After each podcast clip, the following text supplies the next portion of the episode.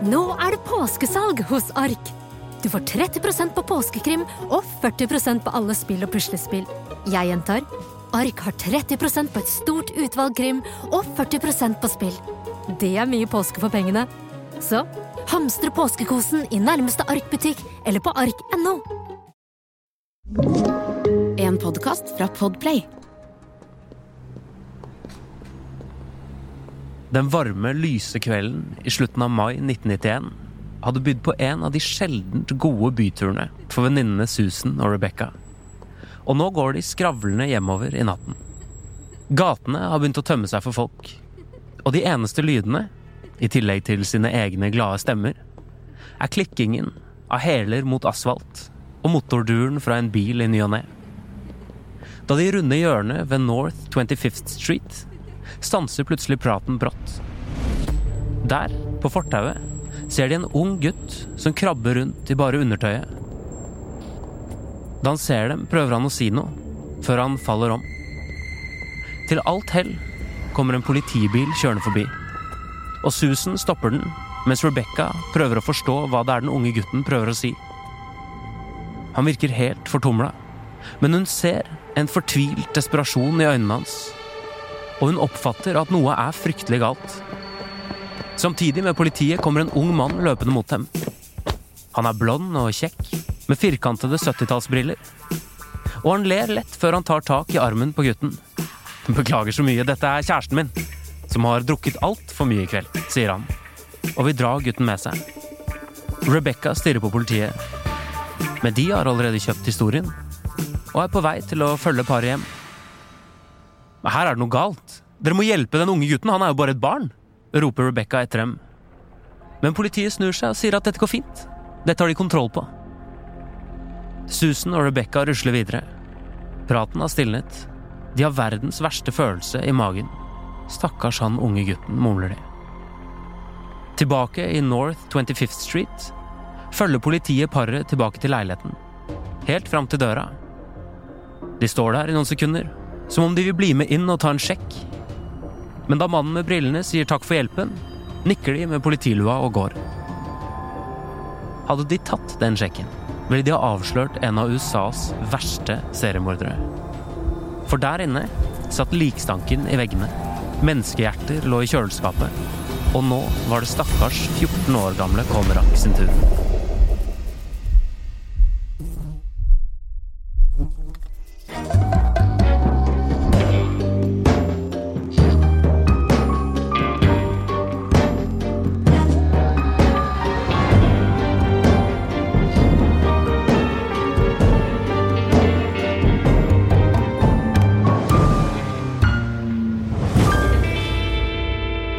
Velkommen til dagens og sesong tos siste episode av På innsiden av Psykohoder med meg, Jonas Ov Oftebro, og deg, Susanne Nordby Johansen.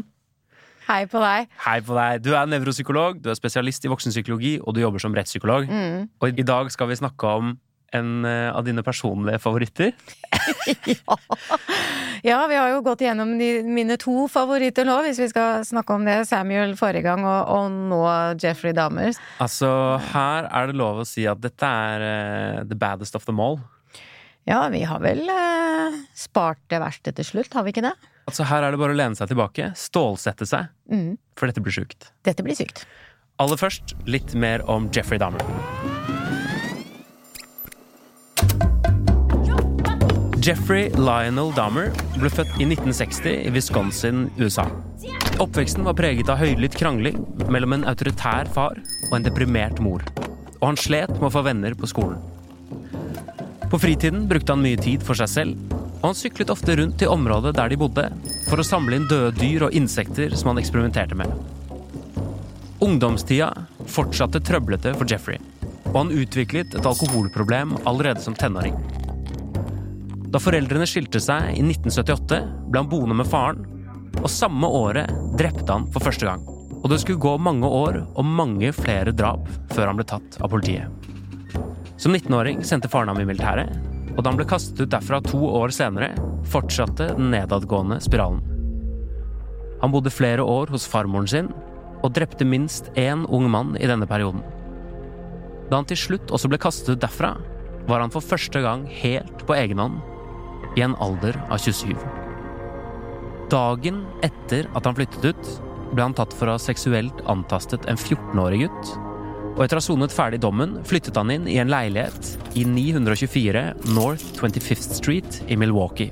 Hvor han lurte med seg unge gutter hjem fra byen før han voldtok, drepte, parterte og noen ganger spiste dem. Naboene varslet politiet om stanken fra Jeffreys leilighet, men han ble ikke arrestert før et offer klarte å flykte sommeren 1991 og fikk varslet politiet. I kjøkkenet hans fant de annet fem avhugde hoder, flere hodeskaller, menneskehjerter og nedfrosset menneskekjøtt. I tillegg til 74 polaroidbilder av parterte likdeler. Jeffrey Dahmer erklærte seg skyldig, men sinnssyk, og fikk en dom på 999 år for drapene på til sammen 17 menn, seksualforbrytelser og kannibalisme. 28. november 1994 ble han drept av en medfange, trolig som et tilfeldig offer. Han ble 34 år.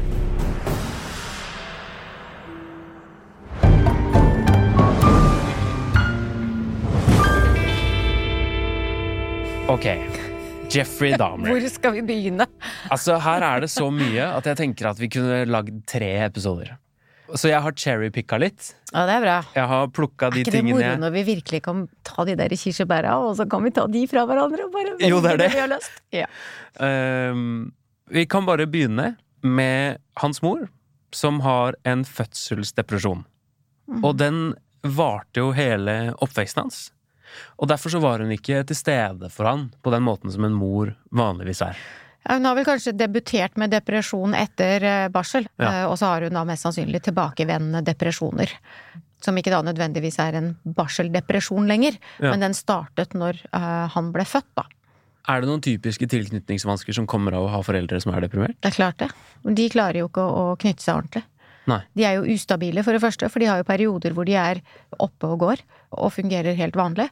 Og så har de jo perioder hvor de stort sett bare ligger i senga bak gardinene og, og med døra igjen. Ja. Hvor du ikke er tilgjengelig for barnet ditt i det hele tatt. Sånn at eh, hun har nok ikke klart å gi han det han trengte. Er derfor vi er så opptatt av å behandle barseldepresjon. Ja, eh, Fordi vi vet at det har veldig, veldig stor betydning for tilknytning. ikke sant? Mm, og sunn tilknytning. Jeg har en, en dårlig teori basert på det. Det er noe med det at eh, det å ha en mor som som er deprimert og som tar medisiner og som kanskje ikke er så tilgjengelig Kanskje du først liksom får nærhet med henne når hun er dopa ned og ligger på sofaen. Hvor vil du hen, Jonas? Han doper jo ned ofrene sine og legger seg ved siden av dem og, for å holde på det? Det er jo masse før det, men Det er masse før det, ok. Ja, men, men jeg tenker jo at eh, Ja, at han eh, hadde et savn. Og Mm. at det var noe ved den kontakten, og det er jo det som jeg sier, at han fikk ikke den nærheten. Eh, Og kanskje hun da bare var nær når hun lå neddopa i, i senga si, Mm. og han kunne gå inn på rommet og legge seg stille og rolig ved siden av. Og han har jo også uttalt noe om at han eh, ønsket å ha disse guttene han dopa ned ved siden av seg lenge. Ja, det det. Så det betyr jo også da at han mest sannsynlig har blitt regulert på et vis, kanskje av denne faren, på at du får ikke lov å ligge inne hos mamma. Du får ikke lov å være i nærheten av mamma. Ja. For det vil jeg også snakke om. Og dette tror jeg Det overrasker meg egentlig at vi ikke har pratet om det før. Jeg tror ikke vi har gjort det. Men eh, Jeffrey Dahmer beskriver at han kommer fra et hjem hvor moren og faren krangler veldig mye. Og at det påvirket han veldig negativt. Det tror jeg er noe som veldig mange kan kjenne seg igjen i. Altså Enten å være en forelder som ikke klarer ikke krangle foran barna, eller som er barn som hvor foreldrene krangler. De fleste foreldrepar vil jo si at de på et eller annet tidspunkt har krangla foran ungene sine. Ja. Eh, Det tror jeg i hvert fall er ganske normalt, og så gjør vi så godt vi kan som foreldre å å skjule det for barna, og så klarer vi egentlig ikke det likevel, for barna skjønner det bare på følelsene vi har. Ja. Men hvis det er, eh, hvis det er høylytt krangling, Ja. og det pågår i hele oppveksten, og hvis barnet Ofte forstår jo ikke barn hva det egentlig er som blir kranglet om, så de kan jo oppfatte enten faren eller moren som Mm. truende, eksempel, og da bli veldig, veldig redd. Og, og det å leve opp på den måten gjør at du, du blir veldig usikker sjøl. Hva kan jeg stole på? Er, er dette en vanlig relasjon?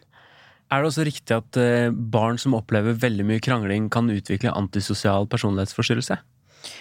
Jeg tror ikke det er noen sånn direkte sammenheng mellom det, men hvis man går tilbake i historien til den antisosiale narsissisten som har en hel haug med psykopatiske trekk, Ja. så kommer de jo veldig ofte fra en familie hvor det har vært veldig mye uro. Hvor det har vært psykisk lidelse, hvor det har vært overgrep, omsorgssvikt. Ja. Og du kan jo for så vidt kalle det at hvis foreldrene dine har krangla i alle de åra som du er vokst opp, og mamma har hatt en depresjon, og pappa har kanskje flykta av gårde ut i jobben sin og vært borte flere uker i strekk mens mor har ligget deprimert, og så har du egentlig vært utsatt for alvorlig omsorgssvikt. Ja.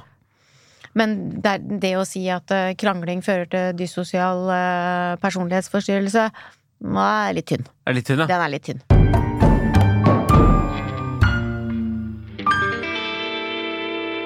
La oss gå videre på eh, litt tynne ting. Fordi faren til Jeffrey Dahmer han kommer med to ting som jeg gjerne vil snakke om. Han sier at da Jeffrey Dahmer var fire år, så gikk han gjennom en operasjon for brokk. Og etter det så var han aldri den samme. Er det mulig? Kanskje narkose kan påvirke mer enn det vi uh, tror. Ja. Mm. Han sa også at Nå er jeg veldig på tynn is, men Ja. eh, det, det fins noe forskning. Jeg vet ikke om jeg skal si det, det kan godt hende alle lytterne våre blir kjemperedde og aldri tør å gå gjennom en operasjon heretter.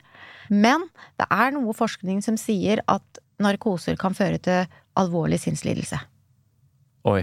Men Ja. det kan i hvert fall ikke være en én-til-én-korrelasjon. Det er det ikke. Absolutt ikke. ikke. Det er det ikke.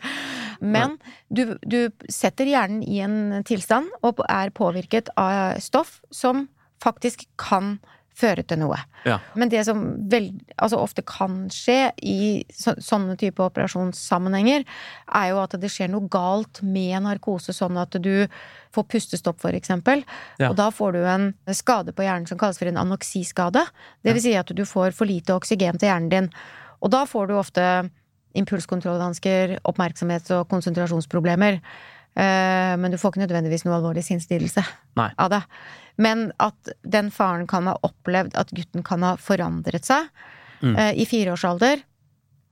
Det er ganske vanlig å forandre seg i fireårsalder òg, Ja. altså i utviklingsstadier. Eh, Men at man kanskje sannsynligvis ganske tidlig kunne se at han var avvikende, det tror jeg jo. Ja. Og jeg tror jo det er mange ting Jeg har jo en hypotese om hva det var med han, som vi kan komme tilbake til. Den vil vi komme tilbake til. Ja. Ok, Vi går videre til del to av faren til Dahmers eh, forklaring på hvorfor han er som han er. Eh, Og det er at Dahmer ble utsatt for et overgrep da han var åtte år, fra en nabo. Mm. Han sier ikke hva slags overgrep, men bare at han ble utsatt for et overgrep. Det jeg reagerer litt på med det, er at det jo ikke er anmeldt eller Hvis det hadde skjedd med mitt barn, og jeg visste om det, som faren jo åpenbart gjør, så hadde jeg jo anmeldt naboen med en gang. Tror du ikke denne faren ikke har så mye empati? Da skal du ha lite empati. Altså, da skal du ha sinnssykt lite empati. Ja. Jeffrey Dahmer kommer fra en plass, gjør han ikke det? Ja, ok. Men så du tror at Men fordi Hvis han ble utsatt for et overgrep som liten, og kjente på null kontroll, så kan det gi mening for meg at han har lyst til å ha kontroll i seksuelle relasjoner når han blir eldre. Mhm. På en Ja. usunn måte. Og at han også da eh, kanskje trekker til eh, menn. For hvis man blir utsatt for seksuelle overgrep eh, fra menn når man er liten, så, så er det noe forskning som sier at da, da er det ofte gutter man eh, tyr til i voksen alder, da, som man forgriper seg på, da. Det kan være en årsak. Ja. Men han faren, han har jo gjort litt mer ting, da. Han må jo ha påført Jeffrey ganske mye traumer. Hvis det stemmer Ja. at det var han som lærte Jeffrey å uh, dissekere dyr Ja. når han var liten, Det er ikke veldig greit at du tar med deg sønnen din ut og, og, og skal lære deg åssen du skal dissekere dyr. Hva var vitsen med det, da? Nei, men jeg har lest at han forsvarer seg og mener at det er ikke sant. Nei. Han Men det er han klart at han vil forsvare seg med det, den faren. Han sier at han lærte seg å rense bein fordi faren jo var kjemiker. Og Jeffrey var så interessert i døde dyr. Så han lærte han eh, å liksom rense ben. Jeg vet ikke om det er bedre, altså. Mm, Det er ikke noe bedre. Men eh, det er Men det han, han sier. Jeffrey var i hvert fall interessert i døde dyr og innvoller veldig tidlig. Ja, og det, men det lurer jeg litt på. Fordi det er veldig mange seriemordere som vi har snakket om, som har en fascinasjon med å drepe og torturere dyr. ikke sant? Mm. Men det er ikke fascinasjonen til Jeffrey Dahmer, sånn jeg har skjønt den. Han er interessert i døde dyr, og så er han interessert i anatomi og innvoller og sånn. Mm. Og men hva er det?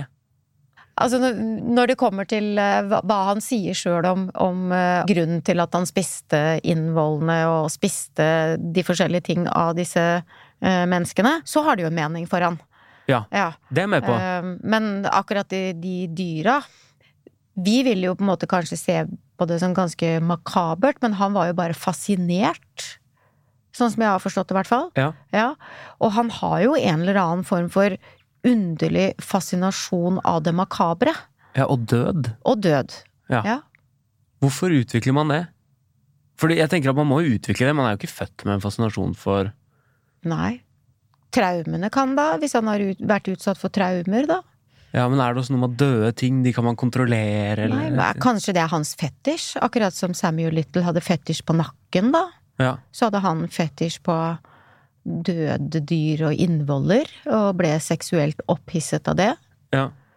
Så er jo det en fetisj som er eh, ganske avvikende, kanskje. Ja, så jeg skjønner jo at det er urettferdig av meg å på en måte kreve svar av deg, men jeg, jeg har ikke noe godt Nei. svar til det. men jeg har liksom lyst til å vite hvorfor et ungt barn samler på dyrebein Nei, men og altså, sånn. Det tror jeg ikke vi har noe godt svar på, jeg, Jonas. Altså, når vi går tilbake i historien til de som uh, på en måte ender opp med antisosial og dyssosial personlighetsforstyrrelse og psykopatiske trekk, Ja. så er det med å eh, drepe dyr eller ha fascinasjon ved døde dyr, så, som på en måte ligger i bakgrunnshistorien til alle sammen.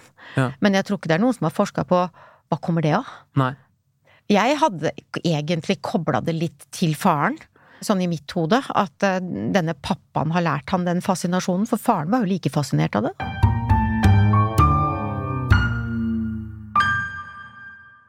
La oss snakke litt mer om denne far-sønn-relasjonen, for det er åpenbart eh, veldig viktig. Mm. Jeffrey finner jo ut at han er homofil veldig tidlig, eh, og det Det blir jo ikke akseptert. ikke i det hele tatt. Nei. Faren er jo veldig kristen, og så vidt jeg har skjønt, snakker ganske mye stygt om homofile. Og det vil si at han snakker jo mye stygt om sin egen sønn. Hva tror du det gjør med deg, da? Det gjør deg psykisk syk, Ja. og ikke få lov til å være den du er. Eh, Og ikke få lov til å gi det uttrykket du ønsker til omverdenen. At du må skjule deg sjøl.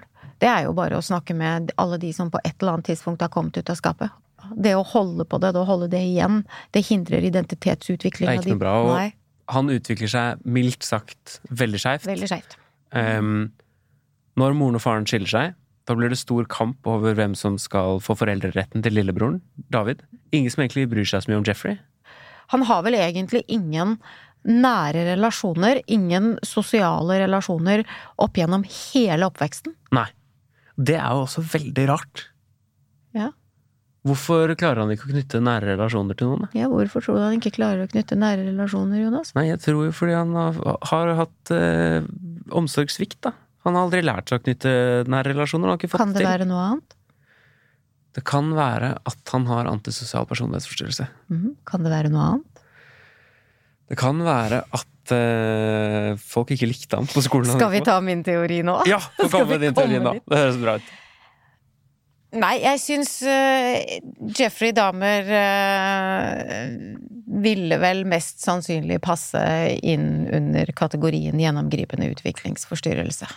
Det har vi ikke snakket om før. Autismespekter. Alt fra barneautisme og infantil autisme, hvor du har ikke noe språk og ikke klarer å kommunisere i det hele tatt og er ofte psykisk utviklingshemmet. Mm. De har du helt opp til eh, veldig, veldig høy IQ, som er de som vi kaller for høyt fungerende autister, eller eh, ofte nå blir de kategorisert i Asperger-kategorien. Ja. Eh, på meg så virker det som om eh, Jeffrey Dahmer har hatt en utviklingsvanske. Og det, når, når du forteller at pappaen sier at det var et eller annet i fireårsalderen som gjorde at han forandra seg, Ja. så er det ofte i tre til fireårsalderen at foreldre, når de går tilbake, sier at da var det et eller annet som gjorde at jeg stussa. At de forandrer seg som barn. Kvalitativt annerledes tilknytning til det sosiale livet, kan vi vel kanskje kalle det. Mm. Eh, altså at de har store vanskeligheter med å etablere sosiale relasjoner helt fra begynnelsen av. Og så har de noen utfordringer med språk og kommunikasjon som gjør at de ofte uttrykker seg annerledes. Der altså blir du også sett på som litt rar og annerledes av de du går sammen med på skolen. Eh, Og så klarer de ofte ikke å leke på den samme måten og ta kontakt med barn på den samme måten, for de klarer ikke å leke symbolsk lek, det er ofte sånn konkret lek. Ja. Uh, og så har de ofte særinteresser, altså én spesiell interesse som de bare er opptatt av. Ja. Og hvis du ser på historien til Jeffrey Dahmer, så har han én særinteresse, og det er disse døde dyra, og, og det var det han kunne prate om. Ja. Og da er det en særinteresse. Ja. Uh, og da blir du oppfatta som ganske annerledes enn de du eh, går på skole sammen med. Så da klarer du ikke å knytte deg til de, for du forstår ikke hvorfor ikke de er interessert i det samme som deg, for eksempel. Og de forstår ikke deg. Det er, det er flere ting, da. Altså, Ja. det, det er flere kriterier, på en måte. Men, men det er på en måte kjernen i det. Ja. Særlig de sosiale vanskene.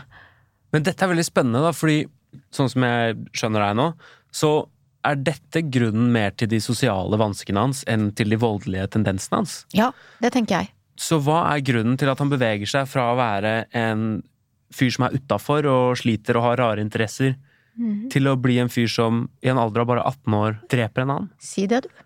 Er det to forskjellige ting, eller har du noe med den eh, Eh, hos noen som har gjennomgripende utviklingsforstyrrelse er det, det, Dette gjelder ikke alle.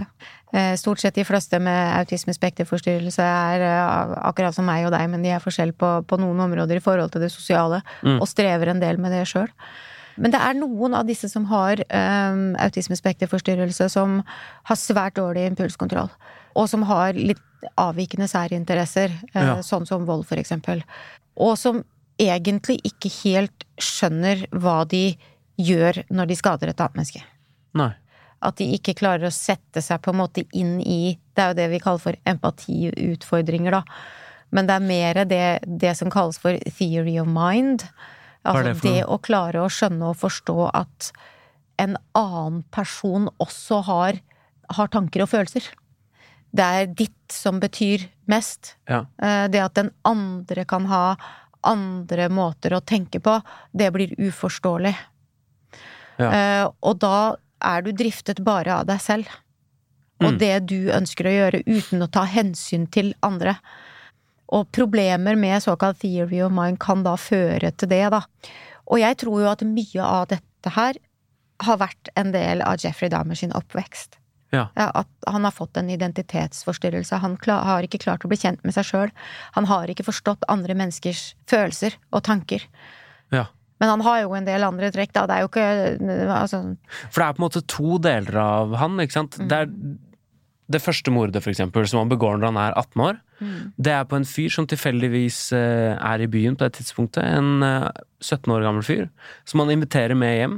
Drikker noe øl, røyker noe weed, og så sier han fyren 'jeg må stikke', liksom. Jeg kan ikke være her lenger. Og så dreper han han fordi han klarer ikke å få en, komme på en annen måte og liksom få han til å bli. Det er autistisk. Han hadde ikke evnen til å prøve å overtale denne mannen. Kanskje vi skal finne på noe. Ja. Han visste ikke hva han skulle gjøre. Men så er det det rare greiene. Som er alt det derre parteringen og Ja, det, han skjønner jo at han kanskje har gjort noe dumt når han har drept, da. Ja, for det sier han jo. Han Ja. visste at det var en helt forferdelig ting. Så da måtte han jo skjule det. Kutte opp delene var vel kanskje det enkleste, mest konkrete han kunne komme på, da. Det var lettest å skjule det. Men han begynner jo liksom etter hvert også å ha sex med lik og sånn.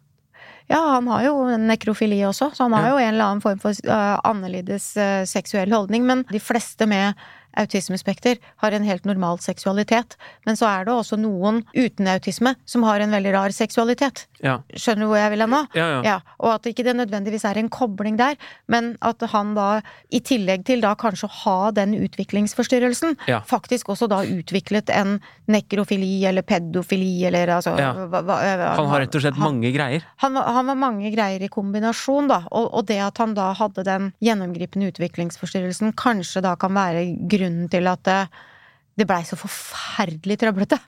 Altså, Ja. det blir så forferdelig grusomt fordi Ja. han da ikke egentlig helt skjønner hva gærent han gjør. Ja, for det er en eller annen total disconnect fra hvordan alle vi andre tenker, til hvordan han tenker. Mm. Og det er derfor jeg sitter med en tanke om at her er det noe som noen ikke oppdaga. Ja. Og i mitt hode så er det altså en gjennomgripende utviklingsforstyrrelse da, som ligger kanskje i bånn der. Ja. Men så har jo han utvikla en personlighet som kanskje ikke er eh, helt vanlig for noen, uansett om du har det ene eller det andre. Hvor stor del tror du alkohol er av eh, det som på en måte ender opp med å bli problemet hans? da? Han kan få en avhengighet som alle andre. Ja, men jeg tenker også når du sliter litt sosialt, så heller han jo på en måte alkohol på problemet for ja, å men det er ikke det vanlige. Du skal jo døyve smerten din, du skal jo døyve det vonde. ja, Og Og mest også sannsynlig så har han hatt en god del angst i sosiale situasjoner. Og det følger ofte med eh, hos personer som har gjennomgripende utviklingsforstyrrelse. De blir redde i de sosiale situasjonene, for de vet egentlig ikke hvordan de skal oppføre seg. Ja. Og så, når de drikker alkohol, akkurat som du og jeg, så blir det litt lettere å lede i rygget. Ikke sant?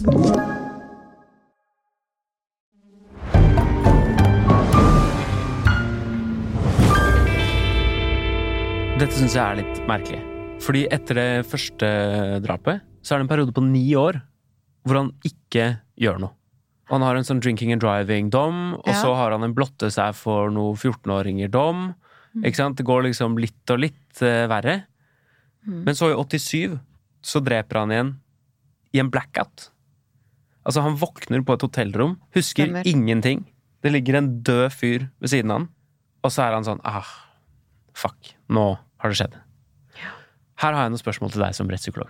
For det første, hvordan er det mulig å være så dritings og allikevel på en Det går. måte Det går fint.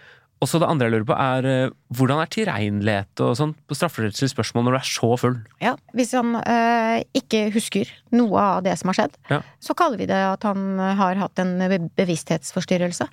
Og hvis du har en bevissthetsforstyrrelse, så er du ikke strafferettslig tilregnelig.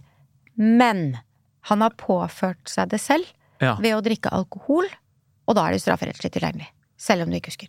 Ah, Selvpåført rus, det er ikke straffefritak for det.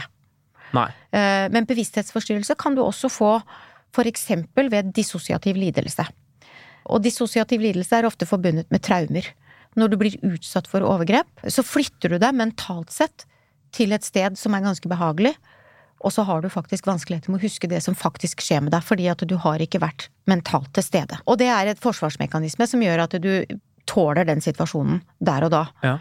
Det som er trøblete, er at den ofte utvikler seg til en forstyrrelse, sånn at du kan gå ut og inn mellom disse bevissthetstilstandene, og da har du en dissosiativ identitetsforstyrrelse. Oi, wow. Mm, det er er det mange det som prøver å lyve på seg der? Ja, nei. Dissosiativ lidelse er én ting, Ja. dissosiativ identitetsforstyrrelse er noe annet. ja. For litt sånn Eh. get out of jail free card, eller? Ja, det er klart at eh, det er jo free card, hvis du sier at eh, det var egentlig Jakob som gjorde det, og jeg, Jonas, jeg var ikke bevisst. Ikke? Men er jeg bevisst på at han fins? Jeg vet at jeg har en dissosiativ lidelse. For de som har en dissosiativ identitetsforstyrrelse, så er de ofte ikke i utgangspunktet klar over at de har forskjellige personligheter som kommer fram. Jeg har Ja. møtt to, Du har møtt to, ja. to i min lange karriere, Ja. som faktisk har helt distinkte forskjellige personligheter. Men ingenting av dette passer jo på Jeffrey Dahmer. Nei, jeg, jeg vet Så- det. Jeg har kjørt oss ned et blindspor. Ja, du har egentlig det, for jeg vil tilbake til Je Vi skal tilbake tilbake til Jeffrey Dahmer. Jeg beklager. Eh, noen får klippe dette. Eh, Eh, For Jeffrey Dahmer, han hadde en alkoholisk blackout. Ja. Det får du når du drikker altfor mye alkohol og får en promille ja, Høyeste promillen jeg har vært borti, er en, og en som fortsatt står på beina, det er eh, 4, komma et eller annet. Da skal du i teorien være død. Ja. Men en blackout er ofte vanlig å få hvis du drikker store, store mengder.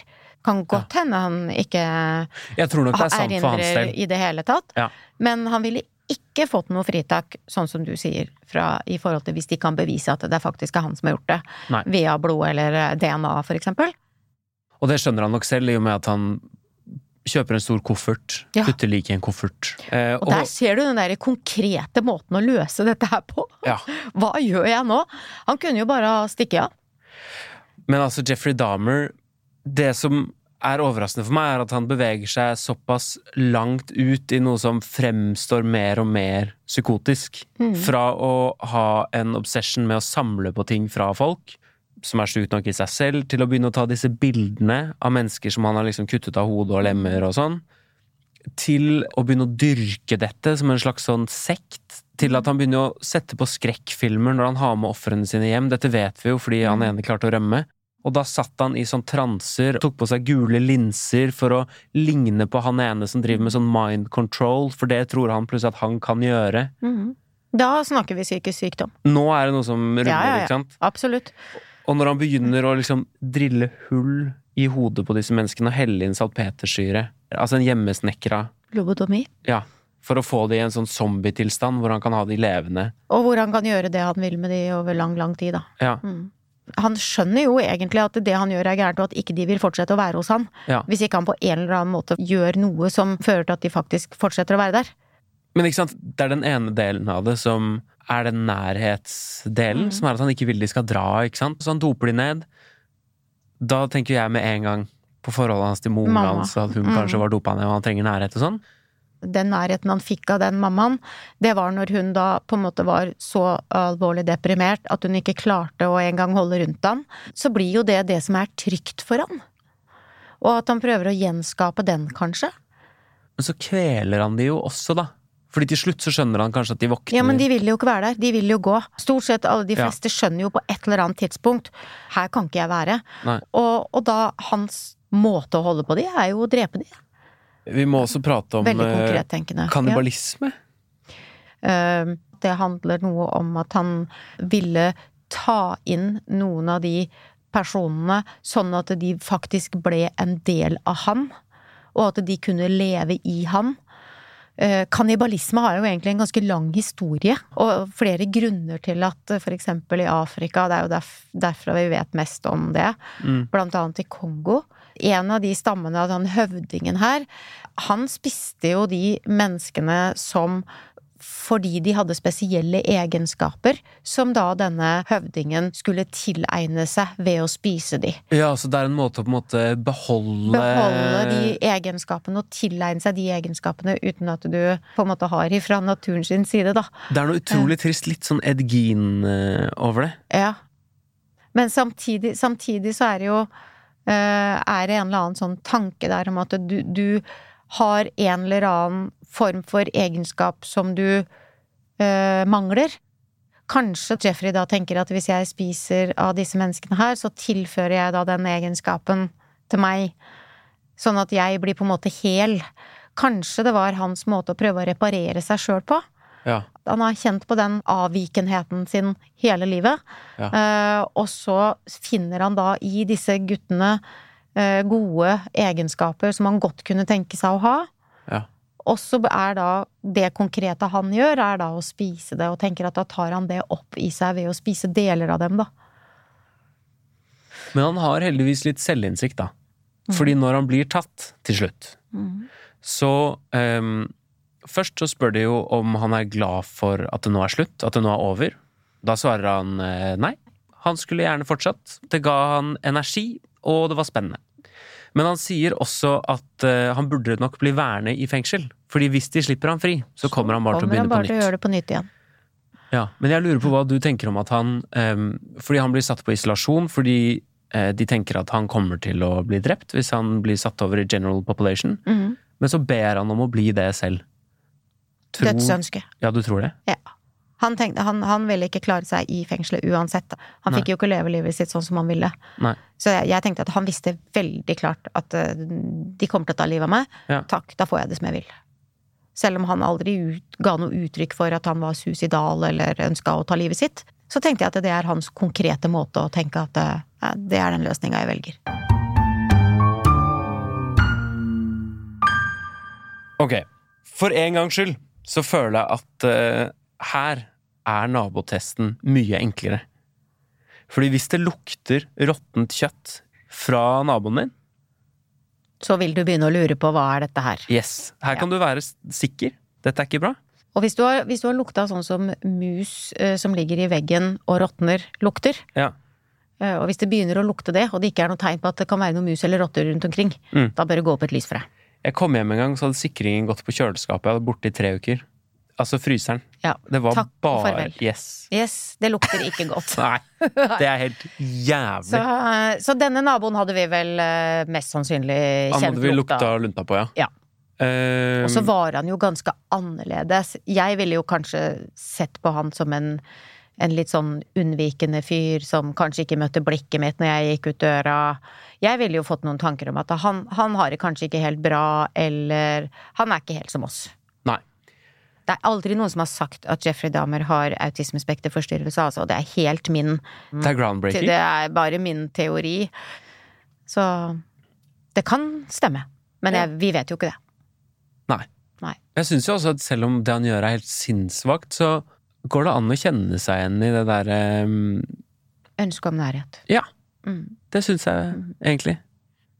Men ønske om nærhet, ønske om kjæreste, ønske om det å ha noen å dele livet med, da. For det er jo noe han har sagt at det ønska han seg. Det kan vi jo kjenne oss igjen i, alle sammen. Altså, jeg syns vi skal runde av sesong to, jeg, med å si at det går an å kjenne seg igjen i Jeffrey Dahmer sitt ønske om nærhet. Det blir ikke mer på innsiden av. Psycho enn det. Nei, det gjør faktisk ikke det.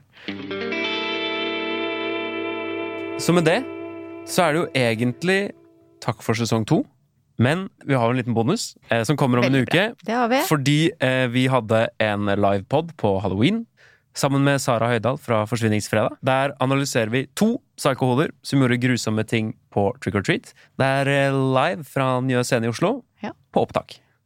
Og så kan vi også få lov å si at det kommer flere eh, episoder på nyåret. Det blir i hvert fall ti episoder, og så blir det en liten spesial. Ja. Dette blir moro. Tusen takk for sesong to.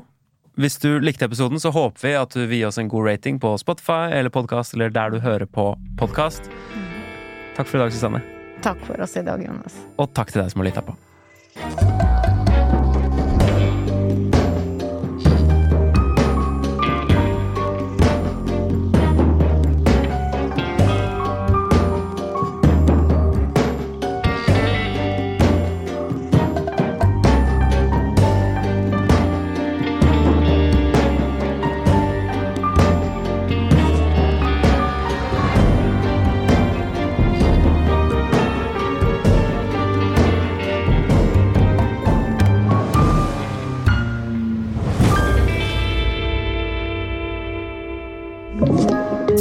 Podkast fra Podplay.